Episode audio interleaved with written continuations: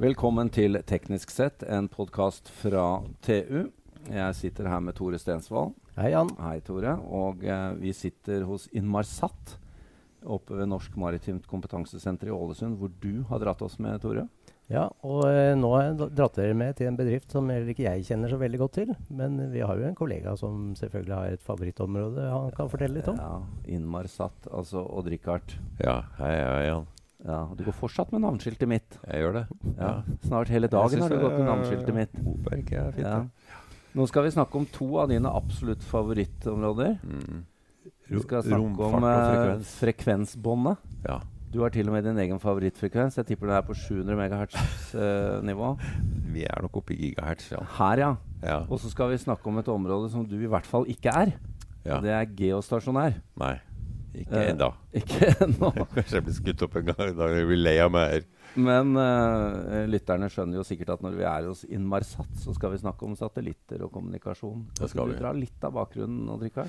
Ja, altså, Den geostasjonære banen, Jan, det Ja. er jo fantastiske greier. For noe, og det var jo Arthur C. Clarke, eh, science fiction-forfatteren, eh, som uh, definerte den i jeg tror det var 1947. Han eh, skjønte da at ting som ble posisjonert rundt 36 000 km over ekvator, de lå stille i forhold til jorda. Ja. Går du lenger ut, så roterer de rundt akkurat som månen gjør. ikke sant? Ja.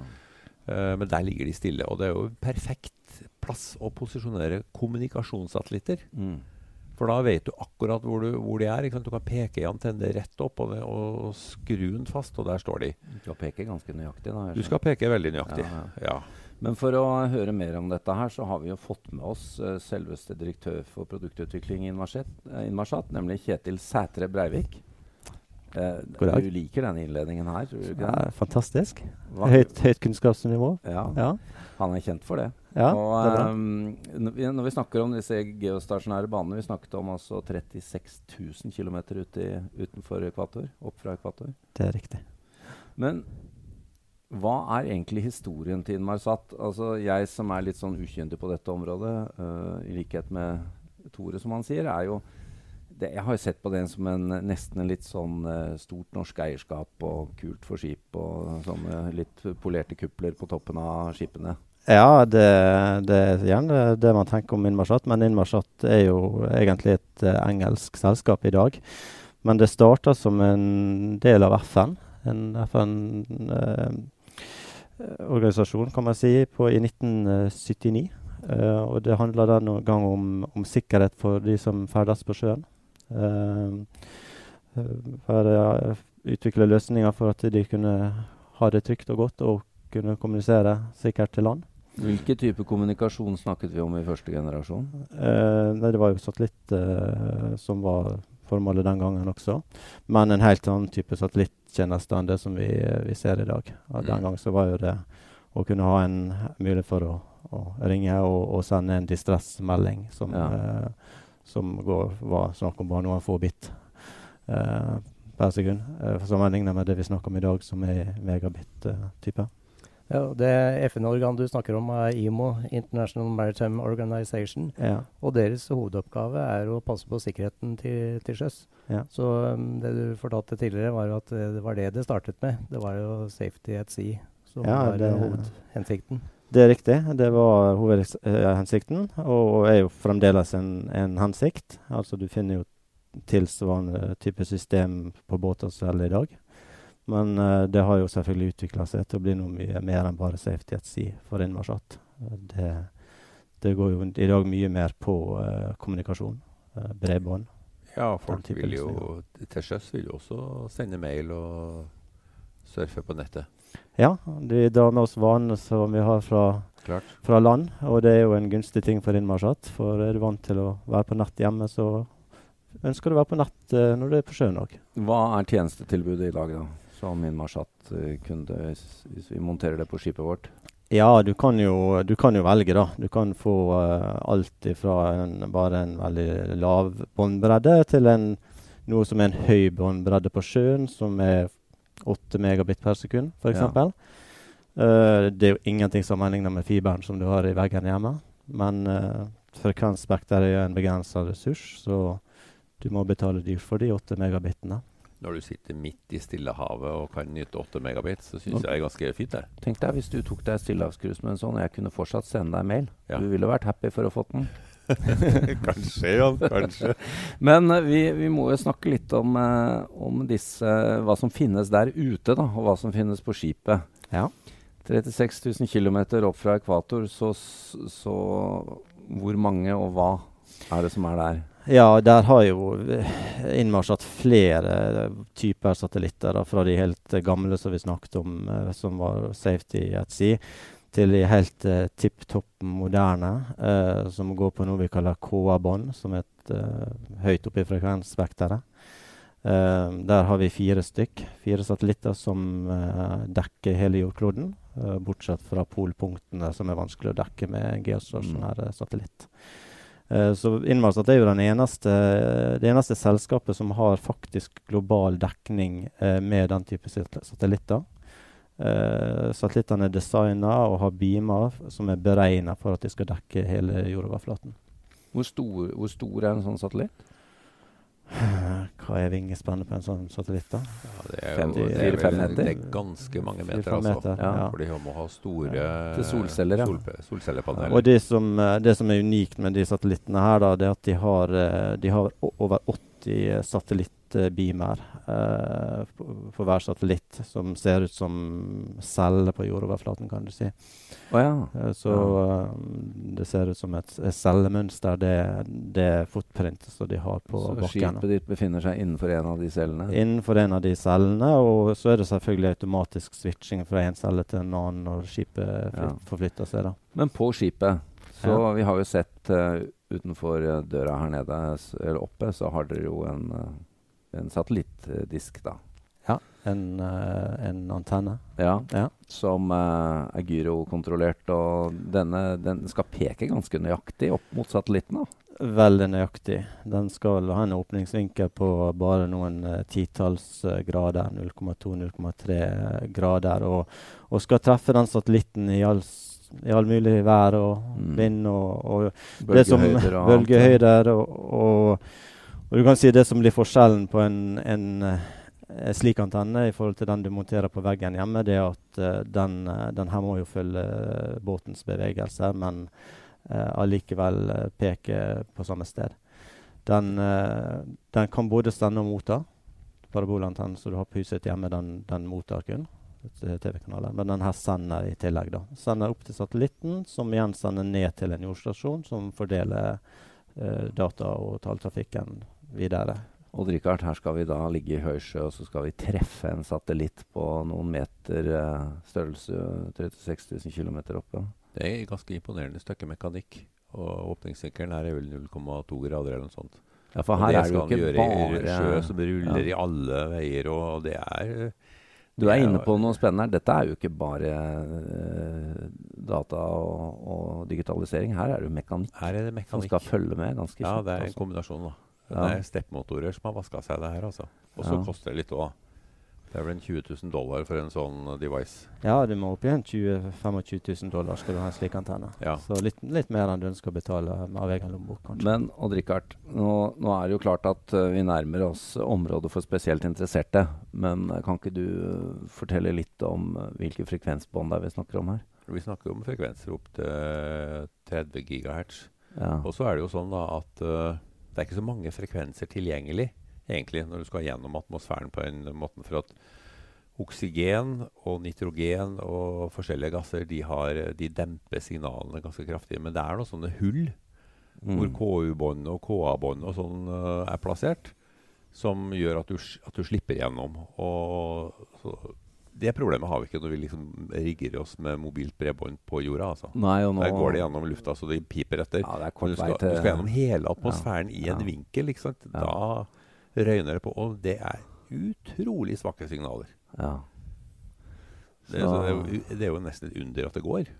ja, men det er, jo, eh, det er jo da, har jeg skjønt, 5000 skip som har disse installasjonene.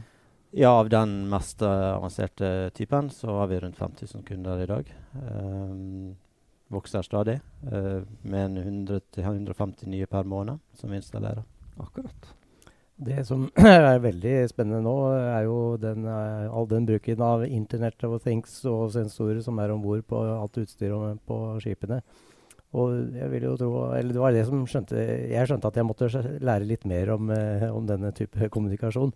For det blir jo helt påkrevet for alle skip etter hvert at de skal ha signaler med, med dataoverføring. Ja. Og da er jo den der presisjonen som Odd-Rikard var innom, det er helt vesentlig. Mm. Og hvor, hvor, mye datamengder er vi snakker om hvis vi skal overvåke og fjernstyre både skip og motorer og annet?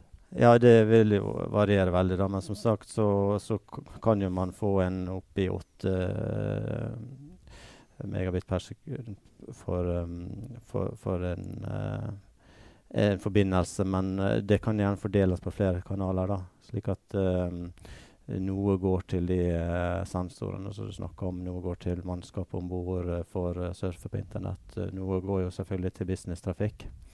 Og der har vi forskjellige løsninger for å prioritere det ene over det andre, eller sågar selge egne båndbredder til de som måtte eie de sensorene på, ute på båtene.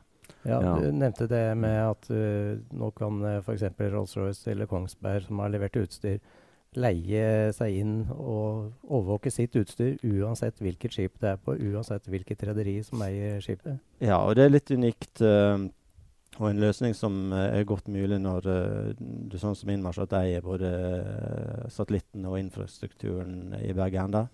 Vi kan sette opp en egen uh, forbindelse for uh, slike som Rolls-Royce. Uh, som de kan, de kan, benytte uavhengig om det er en båt som eier Mersk eller Bourbon, eller på de båtene som, som de har sitt utstyr. Den kan slike trepartsselskap betale for til Inmarsat. så det går på en måte utenom det abonnementet som båten måtte ha dette åpner for en uh, kjempebusiness òg, da. Nå er det jo ikke skipet som skal uh, sende Mayday som er viktig. Nå blir det jo da at uh, en eller annen dings, som det er hovedlager i motoren, sier at om, om 30 dager så sender jeg Mayday hvis ikke dere kommer og fikser det.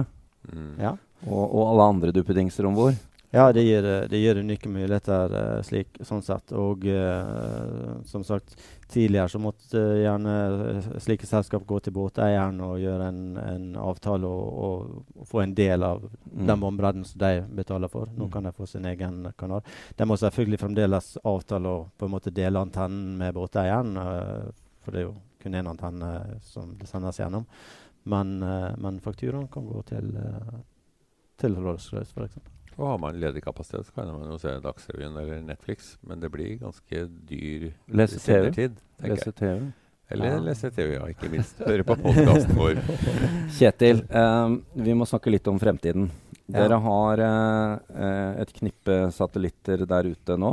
Mm. Eh, har jeg skjønt det er fire pluss fire pluss kanskje én på gang. Uh, vi har snakket om dette med unmanned, altså Eh, at uh, det sendes overvåkning av utstyr også via disse kanalene. Men så mm. kommer jo også en autonom verden. Det gjør det. Hva, hvordan ser produktutviklingen ut framover? Det må jo være fryktelig spennende, da? Ja, det er en veldig spennende bransje å være i. Det er klart at um, det med autonome skip det er jo er, et, et helt, uh, en helt ny ting som setter enorme krav til regulatoriske ting. Altså vi vi er i en del prosjekter vi uh, samarbeider med um, DNV f.eks. Uh, og ser på hvordan den verden der skal, skal se ut uh, fremover. Yara Birkeland blir jo det første store skipet nå som blir norsk. og Det blir sikkert en interessant ja. prosjekt for dere også. Ja, det vil bli, bli, veldig spennende. Det er klart det er mye som sk fremdeles skal komme på plass. For, ja. det skal, for, det skal jo være trygt. Så selv om det til syvende og sist syvende ikke er mannskap om bord i båten, så skal det være trygt for de som er i nærheten av den båten også. Mm. Så det er flere steg å ta i den retninga der. Og det er klart at det å, å remote kunne kontrollere skipet fra, fra, land, men fremdeles med mannskap om bord, vil kanskje være et naturlig første steg. Det, det, er en del år frem i tid at uh, du ser en båt seile rundt jorda uten mannskap totalt sett. Det sier de vel også om Yara Virkeland, Tore? Ja da, det er et helt unikt konsept. Altså det, ikke, det, ikke, det, kommer til å gå noen år før vi ser et nytt autonomt skip som trenger uh, mye kommunikasjons eh, kapasitet. Men eh, det, det vi var inne på, det er jo nettopp den fjernstyringa. Mm. Med, altså du, etter hvert så får du flere skip du kanskje kan sitte med et kontrollsenter og hjelpe til å fjernstyre. Ja. Ikke nødvendigvis eh, at de skal seile på egen hånd og, og ta alle beslutninger selv, som autonomi faktisk betyr. Fortsatt håp for arbeidsplasser på Bøljan Blå. Absolutt. Ja, Eh, det blir jo ikke én satellittforbindelse, det må vel bli både to og tre som Backup, backup. ja. Ja, backup. Ja. Og det, det, er jo, det er jo faktisk en del av eh, produktet til Inmarsat allerede i dag at vi har en hovedkanal, som er da Mm. den høyfrekvente bredbåndskanalen som går på KA-bånd. Mm. Vi må uh, gå mot avslutning her. Det er et, et tema jeg tenkte å, å høre om. Um, vi har jo hørt mye om en næring der eh, Norge har vært store også, nemlig cruisefarten. Der er det litt eh, andre behov når disse her eh, passasjerene skal ha med seg Netflix om bord og sånn. Hvilke løsninger må man på da? Nei, ja, det er jo uh, veldig mye de samme frekvensene, men det er et veldig spesialisert eh, område, det med cruise. Um, Ja, For det er ren underholdning. ja, det, er Det ren, som kommer av distress-signaler der, det er vel kanskje ikke helt mayday for eh, fartøyet, Nei, men Det er tomt i glasset. det, Ja, det, kan tomt i det, det kan det være. Jeg tror det blir billigst at Netflix installerer en server om bord. ja, det kan hende det. Pumper den full av data. Sånn som på flyet. Sånn som på flyet, ja. Mm. ja. Eh, nei, men vi eh, må bare følge med. Vi gleder oss jo til neste generasjon allerede, Tore og Richard. Det gjør vi. Vi, Vi må jo ha snart satellittforbindelse på, på sommerbåten må vi ikke det? jo, og det må vi. Og så holdt jeg på å Det kan du glemme. òg få av Innmarsat, forresten. Ja, Vi, Det eh, er et produkt Det var, flit- skulle du ha 20 000 dollar i Ja, penger? er, vi, har, vi har noe som heter Fleet One, som du kan få på okay. sommerbåten ja. din. Avslutningsvis så må vi bare høre uh, hva, med, hva med Google og Elon Musk og disse som skal sende opp disse mer lavbanesatellittene? ja. Mye, mye spennende ideer og tanker på gang, og, og vi vet jo at Elon Musk eh, er flink til å få, få, få til ting. Men det er klart um, det regulatoriske rundt det der vil bli en av de store utfordringene for disse selskapene. Mm. Det frekvensspekteret er jo en begrensa ressurs, og du skal ikke interferere med andre, andre system. Mm.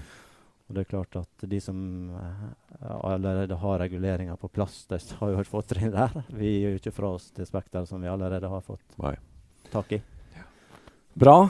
Vi uh, hører bare at her blir det veldig mye spennende videre. Uh, Kjetil Sætre Breivik, takk skal du ha. Bare hyggelig. Takk.